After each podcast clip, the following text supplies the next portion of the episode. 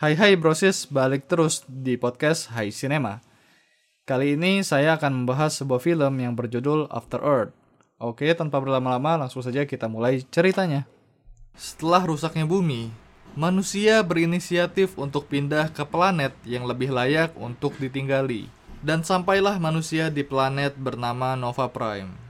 Namun ternyata planet ini cukup berbahaya karena ada monster bernama Ursa yang diciptakan khusus oleh para alien untuk memusnahkan umat manusia. Ursa tidak dapat melihat, namun dia dapat mencium rasa takut manusia. Dan itulah cara Ursa mendeteksi keberadaan manusia. Namun, ada seseorang manusia yang tidak takut terhadap keberadaan Ursa dan Ursa pun tidak dapat mendeteksi keberadaannya. Fenomena ini disebut ghosting. Scene berpindah memperlihatkan seorang calon prajurit bernama Kitai sedang melakukan ujian seleksi menjadi seorang prajurit.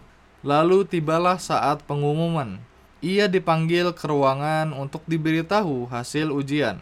Namun ternyata ia tidak lulus pada ujian kali ini. Padahal malam ini ayahnya akan pulang dan ia pun gagal memberikan hadiah untuk ayahnya. Di rumah saat sedang makan malam bersama ayah dan ibunya, ayahnya bertanya mengenai hasil ujian. Dan Kitai pun menjawab bahwa ia tidak diterima pada ujian kali ini. Ayahnya pun mengatakan tidak masalah jika Kitai belum bisa menjadi prajurit. Lagi pula Kitai pun masih muda umurnya. Ternyata ayahnya adalah seorang prajurit juga, bernama Rage, atau biasa dipanggil Jenderal Rage, karena ayahnya adalah jenderal tertinggi umat manusia. Jenderal Rage memiliki kemampuan ghosting, dan ia pun sangat diandalkan tentunya oleh umat manusia pada saat ini. Jenderal Rage mengajak kita untuk ikut dengannya menuju sebuah planet bernama Ivitos untuk menyelesaikan misi terakhirnya sebelum dirinya pensiun. Berangkatlah mereka menuju Ivitos menggunakan pesawat tempur. Di perjalanan, Kitai merasa bosan dan memutuskan untuk berkeliling pesawat. Sampailah ia di sebuah ruangan. Namun, ternyata ia dilarang masuk ke dalam ruangan tersebut. Walaupun dilarang, Kitai tetap memaksa masuk ke ruangan tersebut dan akhirnya ia dipersilahkan masuk ke ruangan tersebut. Ternyata ruangan itu berisikan Ursa yang berada di dalam ruangan khusus. Ursa tersebut dikurung menggunakan kurungan khusus yang diciptakan untuk mengurung Ursa. Ursa tersebut dibawa menuju Ivitos untuk digunakan sebagai alat latihan ghosting bagi para prajurit. Kitai pun ditawari untuk mencoba apakah ia memiliki kemampuan ghosting. Namun baru saja akan mencoba, tiba-tiba General Rage datang ke ruangan tersebut dan menyuruh Kitai untuk kembali ke tempat duduknya. Tiba-tiba terjadi badai asteroid dan pesawat pun terpaksa merubah tujuan mereka ke planet terdekat. Kita bangun dan keadaan di sekitarnya sudah sangat kacau.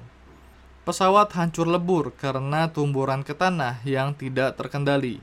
Ia pun mencari ayahnya dan ia bertemu ayahnya yang sedang terkapar namun masih bernafas. Kecelakaan tadi menyebabkan seluruh awak pesawat meninggal dan hanya menyisakan mereka berdua. Jenderal menyuruh kita untuk mengecek suar di bagian kabin atas.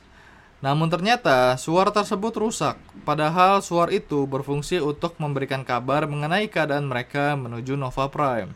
Jenderal Rage menyuruh kita untuk menuju bagian ekor pesawat yang terpisah sejauh 100 km dari posisinya saat ini untuk mengambil suar dan mengirimkan sinyal menuju Nova Prime. Dan jika misi ini gagal, maka orang-orang di Nova Prime tidak tahu keberadaan mereka dan mereka berdua akan mati sia-sia. Sebelum berangkat, kita diberitahu bahwa planet ini sangat berbahaya.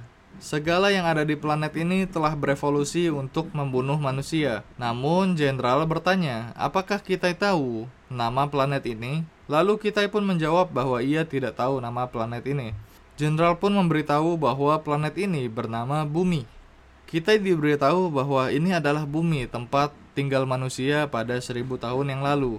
Kita juga diberitahu bahwa kurungan Ursa berada di ekor pesawat. Jadi bisa saja Ursa berhasil kabur dari kurungan tersebut. Namun jenderal berencana untuk menyebarkan drone pelacak dan akan memberitahu kepada kita mengenai keberadaan Ursa sebelum Ursa mampu mendekati kita. Artinya jenderal pun ikut mengawasi keberadaan Ursa dan akan melindungi kita walaupun dari jarak yang sangat jauh.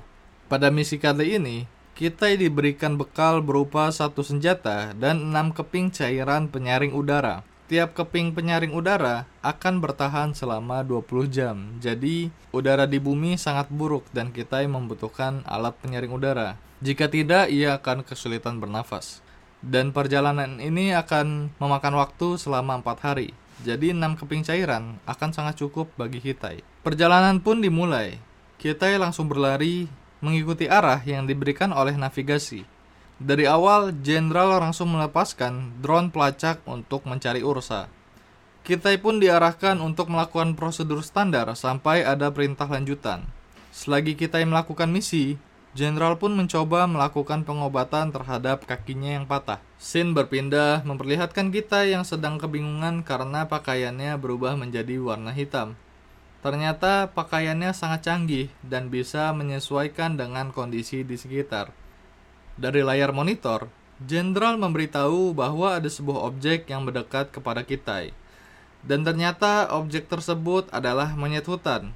Kita yang panik langsung melempar sebuah batu. Namun, karena monyet tersebut merasa terancam, akhirnya monyet itu memanggil kawanan monyet lainnya. Kita pun terpojok karena sudah melakukan kesalahan dengan melempar batu ke arah monyet. Jenderal pun menyuruh kita untuk kabur dan berlari menuju sungai. Sesampainya ia di sungai, ia pun langsung masuk ke dalam air dan berhasil melarikan diri dari kawanan monyet. Saat sudah berada di daratan, tiba-tiba kita kehilangan kemampuan paca indranya karena ternyata darahnya sudah dihisap oleh lintah.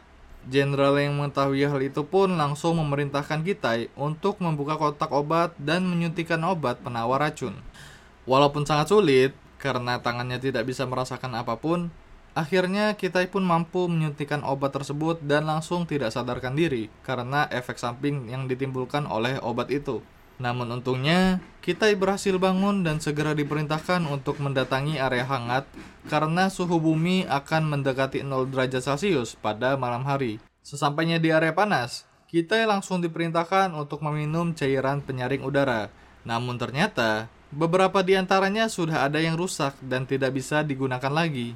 Dan kita pun berbohong kepada ayahnya mengenai kondisi penyaring udaranya kali ini. Esoknya, kita langsung pergi menuju air terjun.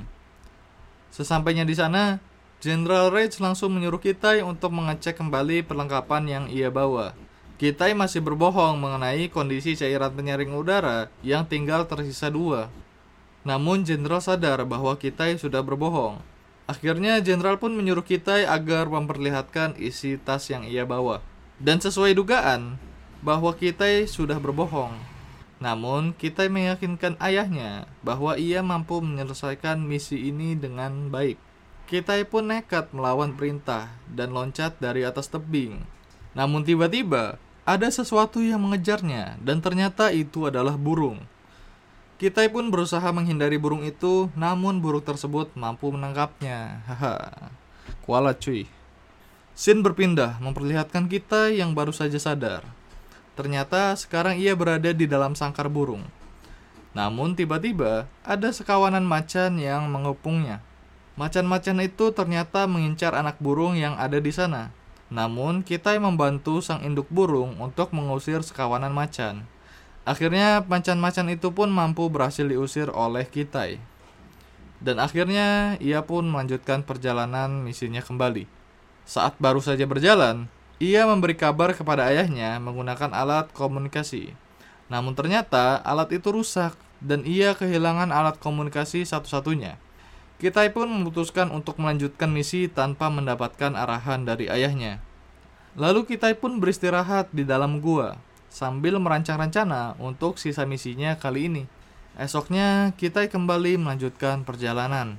Di tengah perjalanan, ia pun beristirahat dan kembali meminum cairan penyaring udara. Namun itu adalah cairan yang terakhir. Setelah itu, kita membuat rakit kayu dan melanjutkan perjalanan menggunakan rakit tersebut.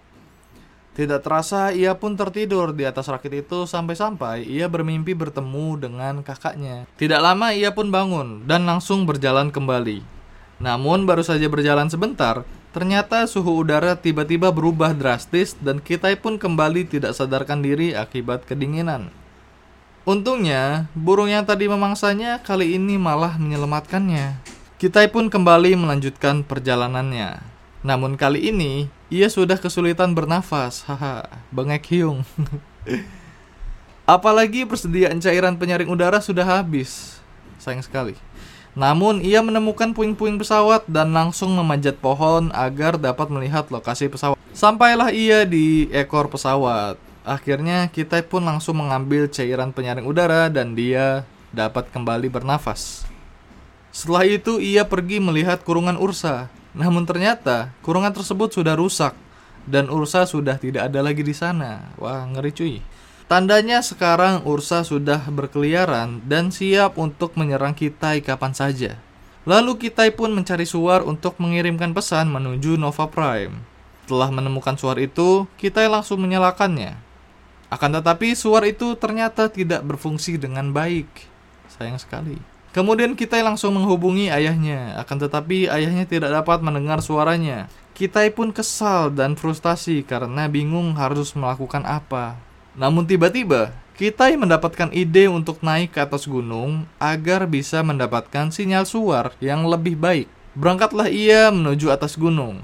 Di tengah perjalanan, ia melihat seorang pasukan yang sudah digantung di atas pohon oleh Ursa.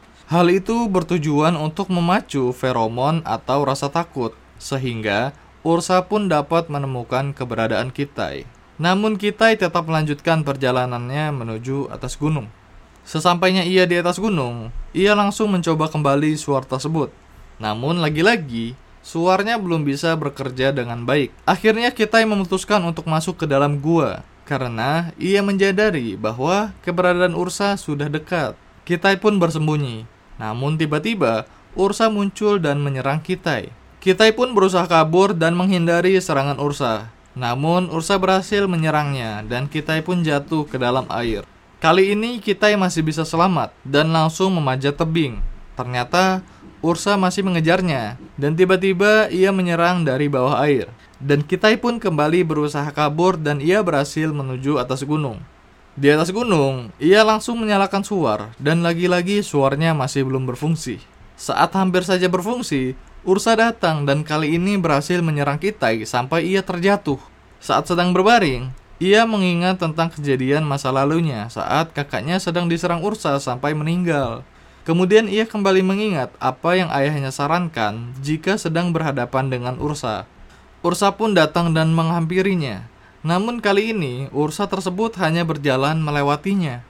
Ternyata Kitai baru saja mengalami kondisi ghosting, di mana ia sudah tidak memiliki rasa takut terhadap Ursa, dan Ursa pun tidak dapat mendeteksi keberadaannya. Wow, mantap cuy, anak bapak punya ghosting. Akhirnya kita pun langsung menyerang Ursa dan berhasil membunuhnya. Setelah berhasil membunuh Ursa, kita langsung menyalakan suar dan kali ini suar itu berhasil bekerja dengan baik. Mereka pun berhasil diselamatkan, juga dibawa kembali menuju Nova Prime. Dan film pun selesai. Pelajaran yang bisa kita ambil dari film ini adalah senantiasa kita harus menjaga bumi, melestarikan bumi, merawat bumi. Jangan pula nanti kita keluar angkasa ketemu alien, dimakan pula kita ya.